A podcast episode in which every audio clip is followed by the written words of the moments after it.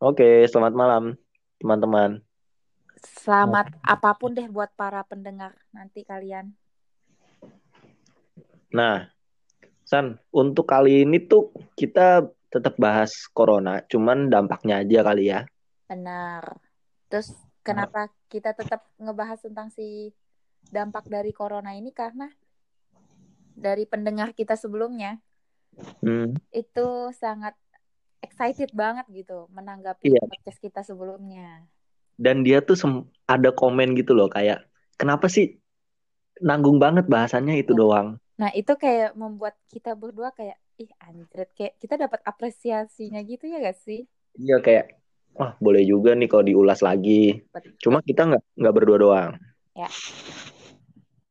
Kita kita manggil orang yang nge-request ini, salah satunya. Benar-benar. Panggilin nggak nih? Panggil lah. Panggil dong, tamu kita. Halo, halo. Iya. Jadi dia ini tamu ini tuh temen gua baru. Ibaratnya gua baru kenalan. Kenalannya dari ini ya, virtual. Virtual, Iya. virtual. Jadi perantara lewat si Santika Betul. dan dipersilahkan mengenalkan diri. Biodata Anda dijelaskan. Umurnya 19 tahun. Gua mahasiswa tepatnya sekarang yang sedang menjalani self quarantine dan lainnya dan teman-temannya itulah pokoknya. Iya. Em, gua kuliah di program studi perhotelan Akademi Pariwisata Bunda Mulia angkatan tahun 2018 ta 2019. Hmm. 2019-2020 kali. Ah, Hmm, kayaknya Anda yang salah ya. kan tahun ajarannya. Ya sudahlah, skip saja. Oke, jadi tamu kita itu Benedictus Gilen Andreas.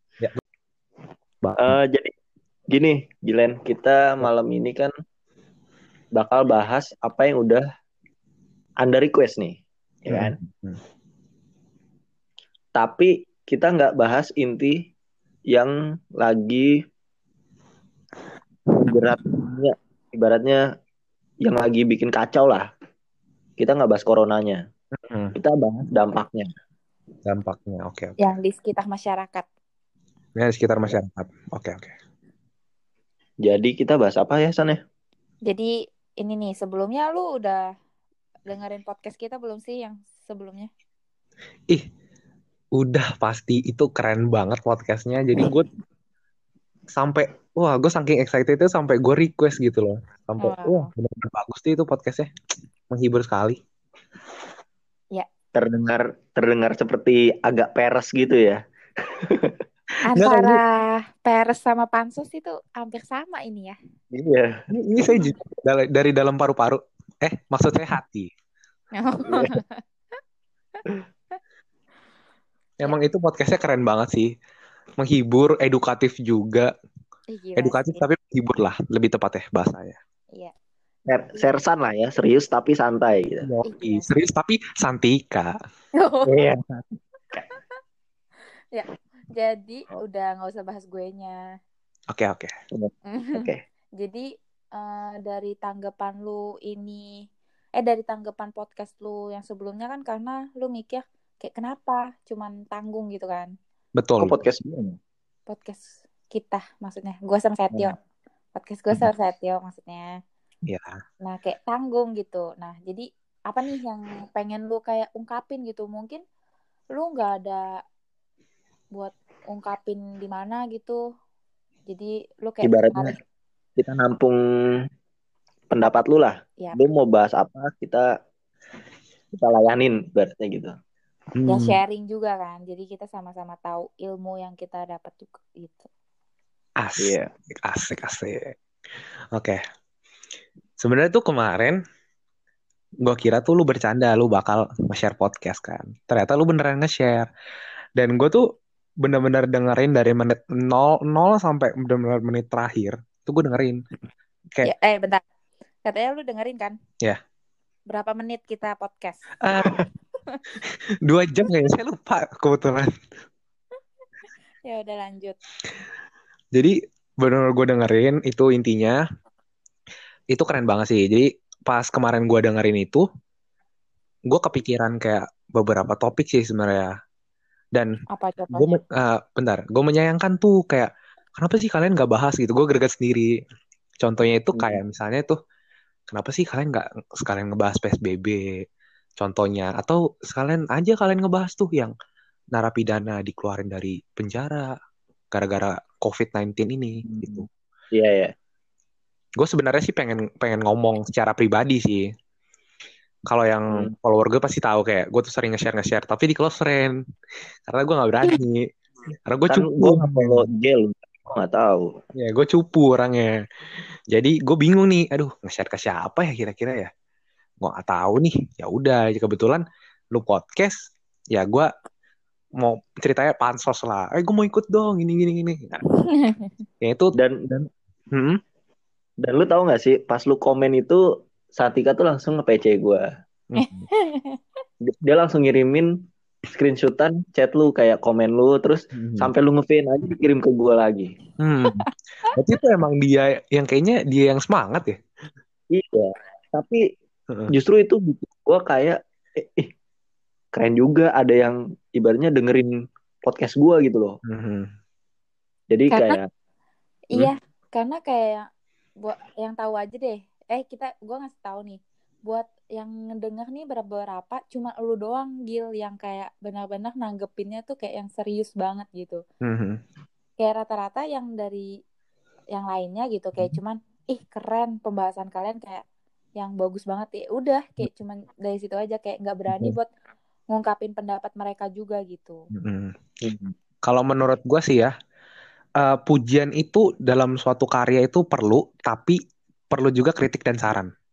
Betul. Nah, Nah, makanya tuh gue kritik iya kemarin, saran iya, request iya, karena justru kritik dan saran itu yang dapat membangun sebuah podcast gitu loh. Oh, Ya, kita tahu nih podcastnya di mana gitu. Nah, tujuan ki- kita juga ya, yuk ya. Sebenarnya buat dapat feedback juga nggak sih? Nah, itu tujuan utama podcast gue tuh juga tuh kayak bikin sharing juga. Jadi nggak cuman gue sama Santika yang berpendapat gitu loh. Iya. Tapi bisa mendengarkan tuh berpendapat. Kan nggak bisa ngomong langsung. Jadi kayak bisa aja lewat IG gue, lewat IG Santika gitu loh. Mhm. Nah, jadinya kayak orang itu habis ngedenger, terus kayak komen, nah di, dari situlah kita ngundang mereka gitu buat kita ngobrol bareng, Mhm. Hmm. kayak gitu. Terus menurut gue juga pendengar-pendengar kalian tuh eh, sebenarnya gue bukan ngatain ya maksudnya em, mungkin mereka ya karena temen lu gitu ya kayak wah keren banget nih Santika sama Setio nih bisa bikin sesuatu karya gitu kan lagi gabut nih tapi mereka tuh mungkin belum peka sama sekitarnya. Apa sih yang lagi terjadi sama dunia sekarang? Mungkin mereka belum sepeka itu. Yap, betul. Pembahasan yang kita ini kali ya, yang kita bicarain maksudnya. ya bisa jadi. Ya contohnya kayak gitu. Kan nggak semua orang mau speak up juga kayak gue ya walaupun gue Oh, masih cupu sih. Nah, ya Nah, mungkin lu mau speak up dari sekarang? Boleh, boleh, boleh, boleh. Pertama tuh yang kemarin gue request guys ke Santika sama Setio ini adalah eh, banyak tuh sebenarnya, cuman gue concern ke masalah PSBB, pembatasan sosial berskala besar. Itu sih yang paling gue, wah kayak ini menarik banget nih buat dibahas gitu. hmm. Tujuh. Gua sempet apa nonton berita juga masalah PSBB, tapi gua nggak bicarain tentang undang-undangnya. ya. Nah, gua mau nanya pendapat orang yang nggak setuju atau ngelanggar aturan ini. Menurut lu gimana nih? Oke. Sebelumnya gue jelasin pendapat gue dulu ya. Sebenarnya langkah pemerintah untuk melakukan PSBB ini gue nggak bisa menyimpulkan karena menurut gue gue belum belum dewasa untuk menyampaikan itu. Tapi ini pendapat Hmm. gue aja.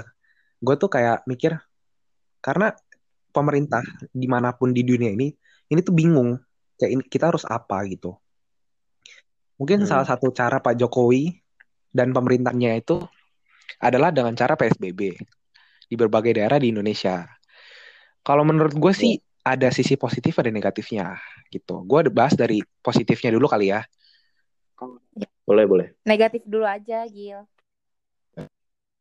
Negatifnya itu pertama em, masyarakat masih banyak yang melanggar.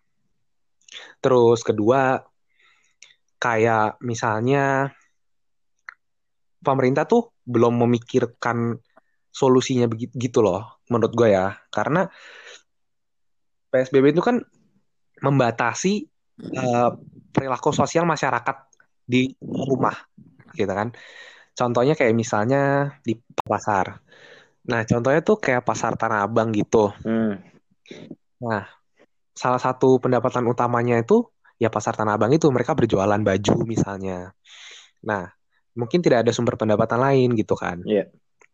Nah, dengan adanya PSBB ini mungkin mereka merasa, aduh berat banget nih, gue nggak ada duit nih. Gue mau ngapain lagi? Karena emang eh, daily activitiesnya mereka tuh ya jualan. Itu buat mereka makan. Istilahnya buat mencari sesuap nasi gitu. Nah, pemerintah tuh kayak belum ngasih solusi gitu loh. Kayak em, sembakonya belum merata, belum tepat sasaran. Terus ya contohnya kayak gitu lah. sih kalau lu bilangnya pendapat lu kayak gitu.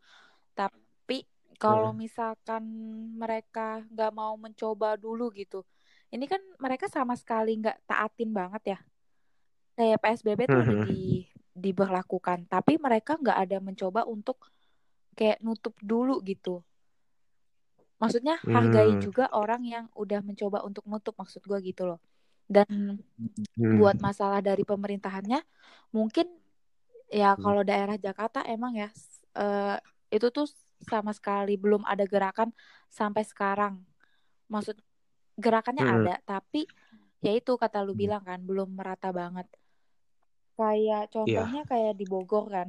Itu Pak Bima Arya itu sampai udah turun tangan dan mereka udah nurunin eh, eh, ngeluarin uang buat warganya kayak bagi-bagi uangnya 500 ribu per bulan 500 atau 400 ribu gitu Hmm. maaf kalau gue salah Hmm. tapi Ya. nah itu mereka nyebarin un ngasih memberi buat empat bulan ke depan. Empat bulan ke depan. Jadi jadi lima ratus ribu itu per bulan dan akan terus eh, dilakukan setiap setiap bulannya nah selama empat iya bulan nah begitu. maksud gue walaupun Hmm. menurut mereka kayak ya ampun 500 ribu doang per bulan tapi seenggaknya Hmm. 500 ribu itu ya membantu mereka lah Cukup lah. kan nggak mungkin juga mereka sama Hmm. sekali nggak ada uang kasahnya gitu kan nah cuman Hmm. kalau Ya. dari pihak Jakarta kalau di kota Jakarta sama sekali kayak yang nggak mencoba gitu kayak selalu dilanggar dilanggar dilanggar gitu Hmm. Gua ngerti sih kalau masalah itu. Itu sebenarnya balik lagi ke mindset nah sih. itu Cuman oke balik lagi ke topik sebenarnya ya. Gue pengen bahas negatifnya Hmm. gitu kan. Em, ya menurut gue sih gitu sih belum merata aja. Dan eh tol eh, mohon dicatat juga nih teman-teman. Kan se sek- beberapa sektor di di industri kita, contohnya kayak eh, industri perhotelan, industri apa namanya perdagangan dan lain-lain, itu penjualan dan pendapatan mereka tuh sangat turun drastis, ya menyebabkan mereka ah, karyawannya di PHK lah. Kan kalian tahu itu yang di mall-mall ada yang PHK di hotel-hotel ada PHK lah. Nah itu menurut gue itu menambah masalah baru sih. Maksudnya maksudnya gini, semakin banyak orang yang di PHK berarti semakin banyak data yang dibutuhkan untuk mendata ya, siapa aja nih yang butuh gitu loh. Kan mereka setelah di PHK nih sementara ini kan belum belum dapat pekerjaan baru seperti itu. Jadi jadi eh, mereka butuh lagi butuh lagi setiap hari yang di PHK misalnya bertambah 100. Jadi setiap hari pemerintah juga harus update nambah 100. Nah, itu sebenarnya masalah-masalah yang terlihatnya sepele dan kecil tapi itu lumayan concern sih jadi kayak gitu. mungkin niat dari si perusahaan itu untuk ya daripada gue nggak bisa gaji kalian kan gitu ya tapi Ya. mereka Hmm. malah kayak nambah kasarnya kayak nambah beban lagi buat di negara itu gitu ya gak sih Hmm. Ya kan si ownernya ini juga sebenarnya yang paling merasa keberatan terbebani itu sebenarnya owner-owner ya menurut gue. Karena contoh misalnya owner hotel, mereka kan juga punya keluarga. Misalnya yang udah berkeluarga, mereka juga punya keluarga. Mereka harus menghidupi keluarga mereka. Nggak mungkin dong mereka mikirin gaji karyawan tapi keluarga mereka nggak dipikirin gitu. Setuju gue. Jadi ya, jadi nggak ada pilihan lain kayak ya udah deh, gue uh, sorry banget nih, gue nggak tahu lagi mau gimana. Gue juga udah buntu pikiran gue. Mungkin di pikiran mereka kayak gitu. Dan dan menurut gue ada salah satu contoh masyarakat yang ngelawan aturan nih. Mhm. Lu nonton beritanya ini gak sih? Yang baru-baru ini nih. Artis. Wah artis, siapa tuh artis tuh? Yang ini SID. Jaring SID. SID. Oh. Hmm, kayaknya pernah tahu Nah, SID, Superman Estate iya bukan? iya. Nah, di situ kan dia juga kemarin ngasih pernyataan tentang kalau dia itu nggak takut sama virus itu kan, corona. Waduh. Itu tuh Oh. kayak dia tuh mewakili beberapa masyarakat yang melanggar aturan. Ibaratnya begitu loh. Hmm, Itu hmm. gimana tuh? Pemikiran dia. Oh, lo minta pendapat gue ya? Iya, Atau Kebetulan gue gue tahu jaring SID ini kemarin dari Instagram. Jadi tuh gue lagi nge-scroll nge-scroll gitu. hmm, Ya kan, gue lagi nge-scroll nge-scroll. Terus gue ya baca-baca lah berita mengenai COVID-19 sekarang gitu. Terus ada poster di Instagram tulisannya eh, saksikan live J- apa jaring SID bersama Dokter Tirta. Gue kan tahu nih Dokter Tirta nih salah satu dokter di Indonesia yang bergerak kalau di COVID-19 ini lebih ke edukasi kalau menurut dia edukasi terhadap masyarakat. Terus dalam hati gue kayak wah menarik nih gitu kan menarik juga nih. apa nih kayaknya bahasannya kemarin pas banget tuh gue nonton di live Instagramnya jaring SID sama Dokter Tirta atau yang biasa dipanggil Cipeng. Nah, jadi yoi. Jadi tuh uh, mereka berdua nih um, sebenarnya isi live mereka tuh mempertanyakan dan menjelaskan apa sih yang terjadi di Indonesia sekarang, hmm, terlebih Jabodetabek dan lain-lainnya. Lalu si Jarings ini nanya, yang gue dengar kemarin ya, Jarings ini nanya kayak, gimana sih uh, penanganan tenaga medis terhadap COVID-19 ini di Indonesia. Lalu si dokter Tirta jelasin lah kayak iya jadi tuh penanganannya begini begini begini menggunakan APD pasti dan lain-lainnya. Terus si Jerings ini nanya ke dokter Tirta kayak oh kenapa sih banyak tenaga medis yang meninggal gitu. Hmm. Kabarnya ada banyak tenaga medis yang meninggal. Menurut data per 29 April 2020, data dari dokter Tirta dan dari jaring SID yang gue dengar kemarin itu eh, 35 tenaga medis meninggal di seluruh Indonesia. banyak juga. 25 di antaranya dokter. Iya, lumayan banyak tuh. 25 di antaranya dokter. Dan 10 lainnya itu kayak perawat, relawan, dan lain-lain. Itu kan lumayan banyak ya, dokter. Banyak Maksudnya semakin kurangnya tenaga medis di Indonesia ya, sementara kasusnya itu semakin bertambah setiap hari gitu Iya. kan. Kita tambah. Nah, terus si dokter Tirta menjelaskan lah bahwa iya memang karena si COVID ini menyerang ke tenaga medis.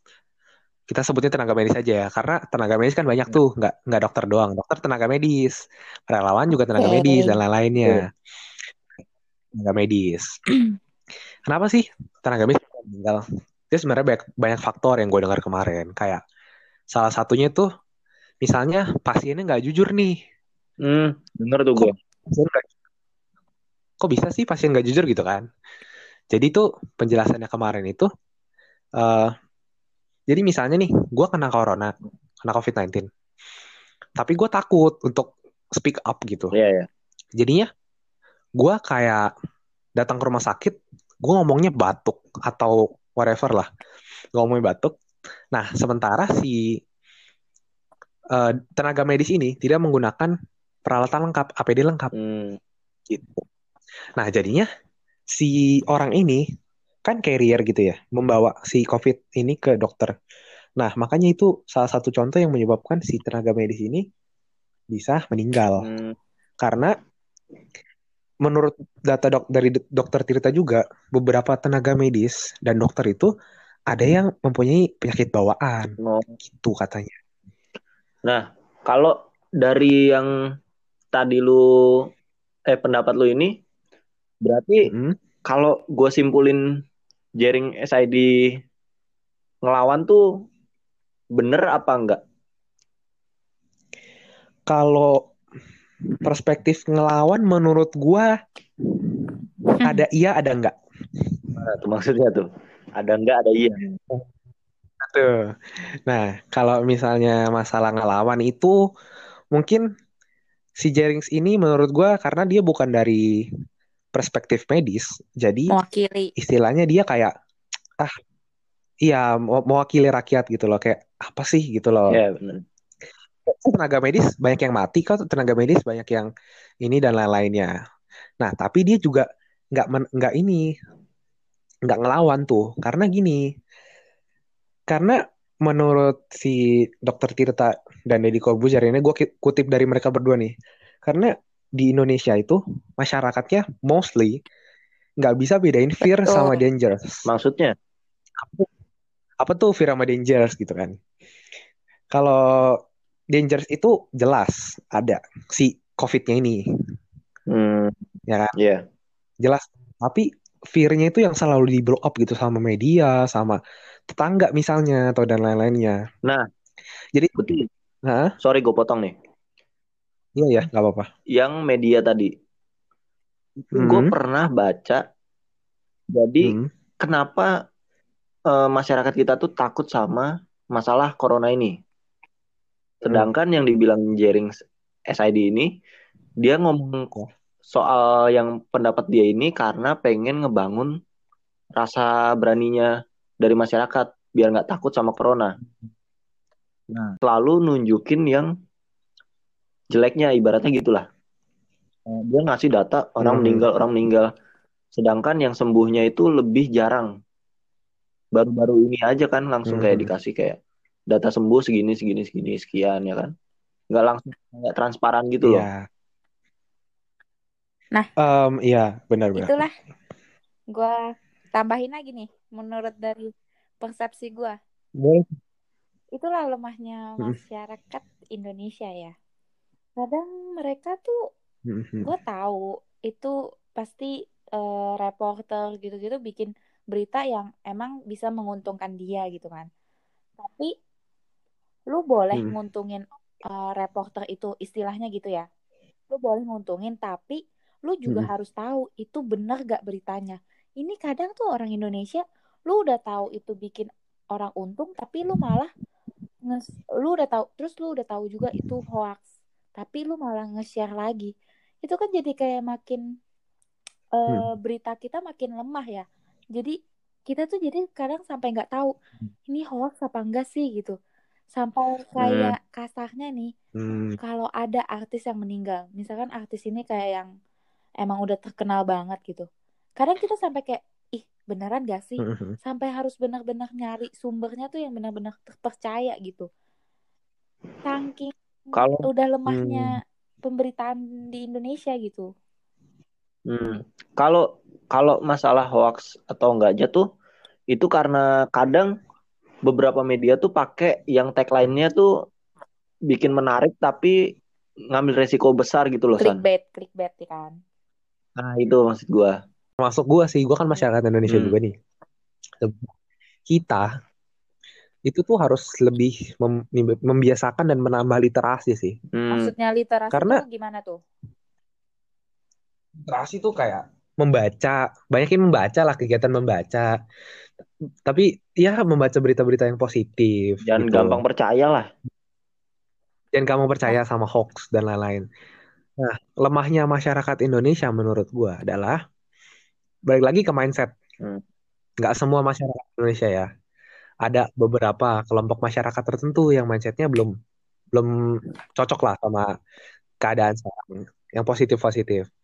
Dan kebanyakan tuh masyarakat Indonesia ya, menurut gua tidak membaca sesuatu tuh secara utuh. Jadi informasi yang didapat tuh mereka hanya menyimpulkan, oh misalnya gue kecelakaan nih, wah lu, lu pasti kecelakaan, terus lu meninggal, lu pasti kena covid. Nah, itu Iya betul ngejudge. Padahal Nah kan ada iya faktor-faktor lain kayak misalnya. misalkan lu tuh kayak lu lu baca nih judulnya nih kayak ih menarik buka nih terus kayak baru lu baca sampai setengahnya doang terus lu tuh kayak udah kayak ngerasa ih gila ini kayaknya penting deh terus lu langsung Kayak share ngerasa udah tahu intinya iya lah. kayak lu langsung share kayak auto share gitu deh buat kayak seakan-akan ih gue dapat informasi baru nih gitu ternyata Hmm. itu tuh hoax gitu itu tuh yang salah Hmm. jujur kalau gua nih ya kalau gua emang suka sering baca kayak yang akun gosip-gosip gitulah nggak usah munafik gitu kan tapi ya gue Hmm. pasti baca sampai habis gitu jujur gua pasti nyari kayak bener-bener sedetail mungkin deh sampai ngestok gitu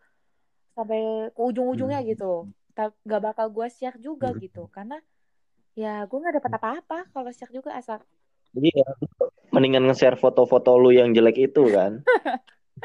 nah, Yang katanya mirip itu tuh pendapat sih, pendapat lagi sih mengenai yang tadi lu bilang tuh masalah media selalu ngeblow up masalah-masalah yang ya bisa kita bilang Hmm. negatif lah ya. Iya. Nah, gua gua banyak nonton dari sumber-sumber sih. Ini gua jujur aja gua ngambil kata-katanya dari Om Deddy dan Dr. Tirta. Em, kenapa media-media di Indonesia tentunya eh, lebih memblow up atau menaikkan berita-berita yang lebih berbau negatif contohnya misalnya kayak COVID kematian yang lebih dinaikkan daripada sembuhnya padahal sekarang kan sembuhnya udah mencapai angka seribu lebih Iya. dan meninggalnya baru 700 Ah. berapa gitu nah itu tuh menurut penjelasannya dari podcastnya si Deddy Kobuzer dan Dr. Tirta kemarin ya gue dapet tuh bahwa karena saat si media mana pun memposting em, yang istilahnya clickbait gitu lah. Mereka dapat traffic. Hmm. Nah, mereka dapat traffic. Diklik-klik terus tuh beritanya kan sama orang. Iya. Mereka dapat traffic. Mereka dapat iklan. Dari iklan, mereka bisa dapat uang. Dari uang, dia bisa makan. Nah. Nah, jadi tuh kalau misalnya ini sebenarnya serba salah sih ya. Gue tidak menyalahkan siapa pun, tapi ini ya bingung lagi. nah serba itu salah sebenarnya. maksud gue Sebenarnya jadi serba salah juga. ya. maksud gue yang tadi itu loh Karena- Gil. yang tadi gue bilang eh, lu gue tahu eh, lu harus nguntungin mereka tapi ya kalian Mm-mm. itu cukup kalian aja yang tahu berita itu ngerti gak Ka- kalian tuh gak Ngerti, usah ngerti, nambahin ngerti. orang lagi buat orang itu tahu gitu cukup orang itu tahu dengan Hmm. sendirinya aja kadang kan kita Hmm. buat butuh waktu tahu informasi itu dengan sendiri kan butuh waktu yang lama kan tapi kalau lu Betul. eh, caranya nambahin orang gitu otomatis jadi cepet dong kayak ngehits gitulah ya gak sih nah itu Iya, betul banget sih. kadang ah suka kesel gitu Gedet ya, Eh, gemes. gemes banget Gemes. Tapi menurut gue ya, ini lucu sih. Kalau bahas masalah mindset lagi ya. Masyarakat Indonesia tuh sebenarnya kayaknya udah kebawa mindset dari kecil soalnya. Mengenai hoax ya, mengenai, hoax. Gimana tuh maksudnya? Ya, gimana tuh maksudnya? Kalau dulu ya, di, di generasi gue, asik kan kita beda generasi ya, nih. sumpah auto auto Kayak generasi muda. auto Gimana, ngegas gimana? banget gue Jadi tuh dulu ya, kalau gue dulu sempat ngerasain pakai yang, namanya handphone, gadget, atau apa pun yang bernama Asia. Iya. Betul? kita Betul. juga ngerasain Itu kan. Sebelum adanya Blockbe- BlackBerry kan, BlackBerry. Ya. Tapi sesudah Sony Ericsson dan Nok- dan Nokia, Ya. Asia. Dulu tuh eh, itu tuh kartu juga ya, maksudnya kayak Telkomsel simpati eh simpati XL dan lain-lainnya gitu. Hmm. Ya tuh. Nah, dulu tuh ada saingannya namanya Axis. Kalau lo tahu. Tahu gua tahu. tahu lah orang Tahu, tahu. itu Jangan. Oke, oke. Jadi tuh dulu tuh hoaxnya ya, gue masih ingat sampai sekarang. Hoaxnya itu dulu orang pakai Axis itu bisa Kenapa? meninggal. kenapa dah Ini Serius? Ini lucu nih, Bu. Gue dari kecil ya, gue dari SD itu dengar hoax itu. Dan pas gue tahu itu hoax, tau nggak kapan? Gue baru SMA, gue baru tahu itu hoax. sumpah sumpah ini gue juga baru Jadi tahu sih Itu tuh membuat ah, mindset mindset yang salah da- di- ditanamkan orang sih dari kecil. Gila, lu bayangin aja masa pakai kartu akses meninggal. Gue percaya itu karena gini, eh, kan lagi mati lampu tuh, mati listrik lah, mati listrik pas gue SD, ya kan, pas gue SD nih. Terus tiba-tiba teman gue nih ada yang pakai akses kan, kartunya. Terus Belum belum Habis itu- titik lucunya loh San. Lu jangan ketawa dulu. gue kayak udah ekspektasi duluan gitu loh. Terus habis itu eh gua kan main nih sama tetangga-tetangga gitu di lapangan lah. Terus temen gue pakai kartu eksis. Terus terus kayak HP-nya dimatiin sama dia kan. Terus kayak tuh lihat tuh orang pakai akses meninggalkan HP gua aja mati gitu kan. Terus pas lampunya listriknya udah nyala nih. Terus eh, dicabut nih kartunya. Kartu aksesnya itu gue masih inget banget. Kartu aksesnya dicabut terus dinyalain Nyala. handphonenya. Bisa kan? Terus terus gue nyala nyala. Terus gue kayak wah anjir. Oke, gua gua akan membenci akses selama hidup gua. Dalam oh, dalam di waktu itu gue ngomong kayak gitu kan. Anjir gue bakalan membenci akses seumur hidup gua. Itulah contoh-contoh kos yang sudah tertanam dari kecil gitu loh. Iya sih. Itu justru kayak gitu tuh yang bahaya. Bahayanya Bahaya kenapa? banget. Karena kita baru menyadari itu tuh lama prosesnya. Betul iya. lah ya. Jadi ya itulah penyesalan selalu datang terakhir.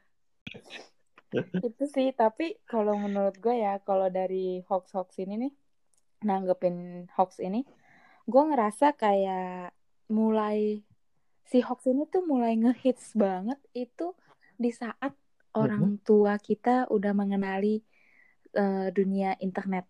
Iya gak sih? Em, betul.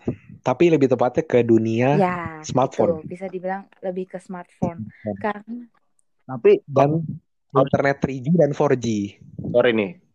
Kalau Hmm. kalau menurut gua hoax tuh udah lama. Cuma kenapa baru kayak gencar-gencarnya tuh pas di smartphone? Karena digital kan lebih berkembang ya. Hmm. Jadi kayak lebih mudah untuk memanipulasi gitu loh. Kayak gini, karena gadget itu kan di zamannya orang tua kita dulu kecil, seumuran kita lah remaja, itu ti- Mm-mm. nggak ada sih ya. Menurut gue sih nggak ada ya. Nah, Jadi kan mereka kayak baru tahu teknologi ini umur-umur ya 40-50 ke atas. Jadi kan update-nya tuh kayak jadi misalnya hoax tentang pembegalan atau apa. Jadi eh kamu hati-hati ya, kamu pergi di sini begal segala macam gitu contohnya kan. Nah, gini nih. Gue mau nanya lu berdua. Kalau lu Hmm. Solusi apa yang lu keluarin buat apa tadi ngatur PSBB sama kayak ngurangin kriminalitas di tengah corona ini. Wadidaw. Wah, didau. Ini ini mah angan-angan aja gitu loh. A- Asalkan eh asalkan. Misalkan gue jadi presiden gitu ya. Iya. Jadi hmm, kalau langkah yang bakal gue ambil, Hmm. set, udah kayak visi misi ya. Iya. Langkah yang bakal gue ambil pertama, gue evaluasi PSBB pasti kayak pemerintah sekarang. Mm-mm. Yang pasti gue memastikan dulu yang namanya tuh yang gue bilang tadi kayak sembako sembako udah Amat aman semua, Merata lah ya. merata merata. Baru tuh gue melakukan PSBB yang benar-benar ketat. Hmm. Bisa gue bilang PSBB sekarang di daerah Sebenarnya Jabodetabek khususnya nggak ketat. nggak ketat. Kurang. Gua bisa bilang gitu. Bodetabek tuh udah lumayan ketat. Tapi lumayan ketat pada awalnya, pada awalnya. hmm, Tapi memasuki ya hari-hari kelima, hari-hari keenam sebenarnya ada sih yang longgarnya. Jadi menurut gua kalau yang bakal gua lakuin itu pertama gua em, kasih dulu nih bagian nih, gua kasih dulu sembako, pastiin dulu nih. Tetap gua gua akan dalam melakukan PSBB tetap, tapi yang dalam tahap nggak longgar. Nanti kalau udah gua udah pastikan nih, gue pastikan ke semua kepala daerah dan lain-lain. Aman nih, aman, aman bos, aman, aman. Baru deh, gue perketat. Gue bisa ngeluarin undang-undang kayak misalnya atau peraturan presiden gitu ya. Gue mengeluarkan, lu melanggar PSBB, lu denda 1 m, 1 miliar misalnya. Lah orang di India aja keluar rumah aja bisa Hmm. dipukulin pakai cambuk, pakai rotan sama polisinya. Coba lu di Indonesia, bah udah ke Kementeri HAM tuh kali. Tapi tapi kalau ngomongin undang-undang tuh sebenarnya udah ada Iya undang-undangnya tentang PSBB. Sanksinya udah. Mhm. Cuman cuman kalau masalah tegas atau enggaknya menurut gua kurang. Kurang betul betul. Karena Betul banget. kalau misalnya kalau misalnya udah tegas harusnya warganya udah takut gitu loh. Maksudnya udah apa matuhin aturannya. Tapi kalau masih ngelanggar berarti itu belum tegas sanksinya. Oke oke. Gimana mau takut sama pemerintah? Gimana mau takut sama pemimpin? Orang Tuhan aja yang pencipta aja orang masih ngelawan kok. Wow. Indonesia kan gitu. Wow. Tapi itu itu bagus sih. Gue gue pernah dengar kutipan itu. Kenapa negara Indonesia nggak maju? Karena nggak ada yang mereka Betul. takutin. Tapi Betul. mereka selalu Nggak ada bawa-bawa pegangan agama. mereka. Hmm. Tapi sekalinya, nah, tapi sekali, Betul. sekalinya takut, mereka benar-benar kayak takut banget gitu loh. Gue gue juga lanjut tadi ya topik yang masalah gue jadi presiden atau kepala daerah. Hmm. Kenapa gue berani mengeluarkan statement gue bakal denda atau gue tindak tegas? Karena karena nggak ada alasan lagi. Karena gue udah kasih semuanya. Gue udah kasih sembako nih. Lu diem deh di rumah ya kan? Lu gak ada kerjaan gue kasih. Hmm. makanan gue kasih gue pastikan aman. Apalagi alasan lu? Lu mau beli masker gue bagiin ya kan? Apalagi apalagi alasan lu keluar rumah. Mau ketemu saudara eh nggak bisa. Ini lagi masalah dunia bukan masalah keluarga lo doang bos. Benar. gitu. Jadi gue bener-bener bakal tegas banget di situ. Bisa aja tiba-tiba gue ngeluarin orang apa ngeluarin peraturan bahwa kayak di India misalnya. Atau di yang waktu itu kemarin gue nonton di Italia atau Spanyol kalau nggak salah orang baru keluar apartemen aja wow udah polisi tuh Oh iya, niut niut nah. Udah udah siaga lah. nggak banget. Polisi di, di Indonesia? Coba. Gue bukan yang merendahkan ya cuman ya itu balik Nah, lagi kita ngomong ke mas ya kan. Terus ada tuh kemarin yang meme-nya juga. Ada gue lupa di negara mana yang sa- eh, ini pria sih pria menyamar jadi kayak semak-semak buat keluar rumah. Bayangin gak sih? Buat keluar rumah saking takutnya sama pemerintahan di negara itu di luar negeri sih Eropa kayaknya. Bener. ya kan? Coba coba di Indonesia. Gua keluar rumah nih gua ke depan polisi yang lagi jaga PSBB polisinya lengkap masker helm segala macam. Gua datang dengan dengan santainya nggak pakai masker nggak pakai sarung tangan. Paling juga diingetin atau ditilang. Suruh push Ya up, kan? disuruh push up doang. ya betul. Hukuman hukuman ringannya push up maka itu tadi sebelum sesuatu instansi mengeluarkan peraturan tertentu yang ketat makanya dicarikan dulu solusinya itu sih Kalau misalkan lu angan oke Ika lu lanjut jadi dong presiden, lu bilang gitu kan. Namanya juga angan-angan. Tapi kadang kalian mikir Hmm. gak sih, kalau Iya, bisa eh, kita nih, Iya. kita ngomong kayak gini, ngobrol kayak gini, kayak seakan-akan kita kayak eh kayak ngerasa, bukan ngerasa ya, gimana sih kayak, aduh, gue susah jelasinnya, kayak kayak gini loh, kayak Kesel kita sendiri. yang ngerti masyarakat Kesel harus kayak gimana Hmm. gitu, Kayak kita udah jadi masyarakat Indonesia tuh yang baik salah satu contohnya misalkan bisa dibilangnya kayak gitu tapi kalau misalkan kita udah di posisi yang di atas nih Iya. mungkin nggak segampang Ah, ah, mungkin nggak segampang itu juga kan Pemerintah lah. terus buat ngejawab eh, gimana kalau gue Hmm. jadi misalkan ada di pemerintahan gitu ya nggak jauh lebih lah nggak ku nggak jauh beda sama Gil- jawaban Gilen ya tadi Gilen harusnya kayak motong-motong gitu bagi skrip gitu lah Lan ya gue ada skripnya Lah, kan lu IPK-nya 5, gimana? kalau Lu, kan SLR bukan polisi S3 ya lagi, SLR lebih ya. ketat dari kepolisian aja sih turun tangannya tuh lebih kayak di luar negeri lah karena ya uh-uh. Oh, ngerti ngerti. Sorry motong ya, sorry Itu motong. Jadi beneran. posisinya ketat kayak misalnya dia pakai baju ketat gitu. Ya gitu.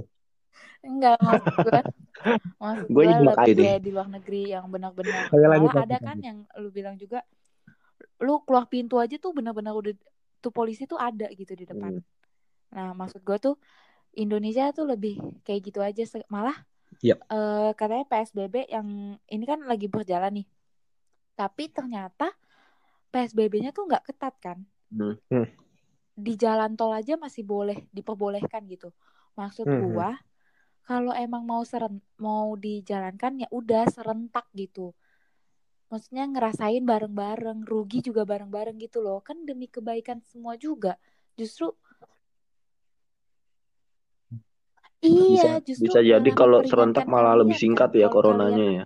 memperhambat semakin lama ya semakin rugi kalian nanti nyalahinnya siapa? Jokowi lagi, Bapak Presiden kita lagi kan. Pemerintahnya Mm-mm. lagi yang nggak bener. Sayangnya tuh Nah, gini, San. kadang Sayangnya tuh nggak semua orang berpikiran kayak kita. Kayak kita mikirnya tuh kadang Ya. kayak, aduh, ayolah bareng-bareng kita fight bareng, kenapa sih gitu kan? Hmm. Kalau menurut gue sih, kalau gue jadi pemerintah ya, gue setuju sama Gilen. Karena pemerintah tuh Ya. punya hak juga buat ngatur semuanya. Tapi kalau dari faktor masyarakat, kalau gue jadi pekerja atau udah berkeluarga yang ibaratnya gue menengah ke bawah lah, ya gue bakal Paham. ngelawan juga. Paham nggak maksud gue? Karena kan kalau gue di posisi pemerintah, gue belum tentu ngerasain eh, masyarakat. Gue Belum tentu mikirin, masyarakat, belum tentu mikirin. gue belum tentu mikirin eh, eh, faktor pemerintah juga. Jadi kayak Ya. berlawanan gitu Jadi- loh faktornya. Jadi kalau- kalau pendapat gue sih, ya intinya salah Ya, corona intinya lah, juga ngapain nggak gitu. bisa posisi satu sama lain. Anjay. Iya, Kita cuma kan, Kita semua Ini di posisi bingung sih. iya, ini kan benar. cuma pendapat Makanya dan maksud sharing gua aja tuh, ya kan. ya udah Hmm, kalian iya. tuh kalau yang masyarakat gitu loh kalau selagi diajak tuh ya udah ayo gitu bareng-bareng jangan ih jangan bandel gitu loh ih kesel. Mungkin Hmm, boleh benar. lah sesekali keluar itu pun kalau perlu. Jangan jangan maksain kayak, eh gue kangen banget benar banget udara seger di luar. Janganlah. Mm-mm. ya jadi itu ya Udah sih. Terus jangan lupa juga kan dengerin pemerintah, dengerin podcast kita juga dong ya kan? Sebenarnya podcastnya podcastnya Setio sama si Santika sih. Gue gue cuman enggak ya sosok pansos gitulah. kok, lu manggilnya Santika dengan Iya. Amazing. Oke. tapi iya tapi terlepas itu semua pembahasan kita nggak Nah, ada disclaimer, disclaimer nyinggung tidak ada siapa pun. menyinggung, em, menyerang Ah. atau menyerang, menyinggung Ah. dan lain-lainnya lah. Pendapat. benar Ya, kita cuman ini cuman mengeluarkan kita sebagai pendapat dan masyarakat itu yang sih terjadi saat sebenarnya. ini. Kita kita Ah, ah. pengen berkarya lah lebih tepatnya. Ya. Ini ini termasuk karya nggak sih? Iya, Karya dong, ya kan? Kita karya kita dong. kita nggak bisa ngelakuin apa-apa. Maksud gua da- dalam arti kita nggak bisa bikin lagu. Kita bukan di bidang musik Sorry, kayak sih musisi-musisi misalnya atau oh nggak peduli nggak peduli nggak peduli. Oke, Eh, kita bukan di bidangnya relawan, kita bukan di bidangnya apa-apa, tapi kita akan eh, gimana ya? Kita pengen membagikan positive vibes lah, pikiran-pikiran yang kita tahu. Itu kata-kata Sharing, gue. benar, sharing, sharing, sharing kan Sharing is caring. Mm. Sharing is caring, caring is love. Love is bullshit Who- love. Who do you love? Love is you. Love is you. Udah, udah, udah. Lanjut, lanjut, lanjut. Iya tutup. Oke, jadi Tutup. Kita tutup ya, ya? closed. oke buat mengakhiri podcast ini kita juga minta maaf kalau ada Kata-kata yang yang menyinggung atau Ya, apa. kualitas Cuma kualitas Mm. pendengaran ya Ataupun- ti- tidak tepat. Ataupun nada Hmm. bicara Dan kita yang sedikit tinggi. Karena emang nada bicara saya emang saya Iya. saya akui saya Terus bicara tinggi. kualitas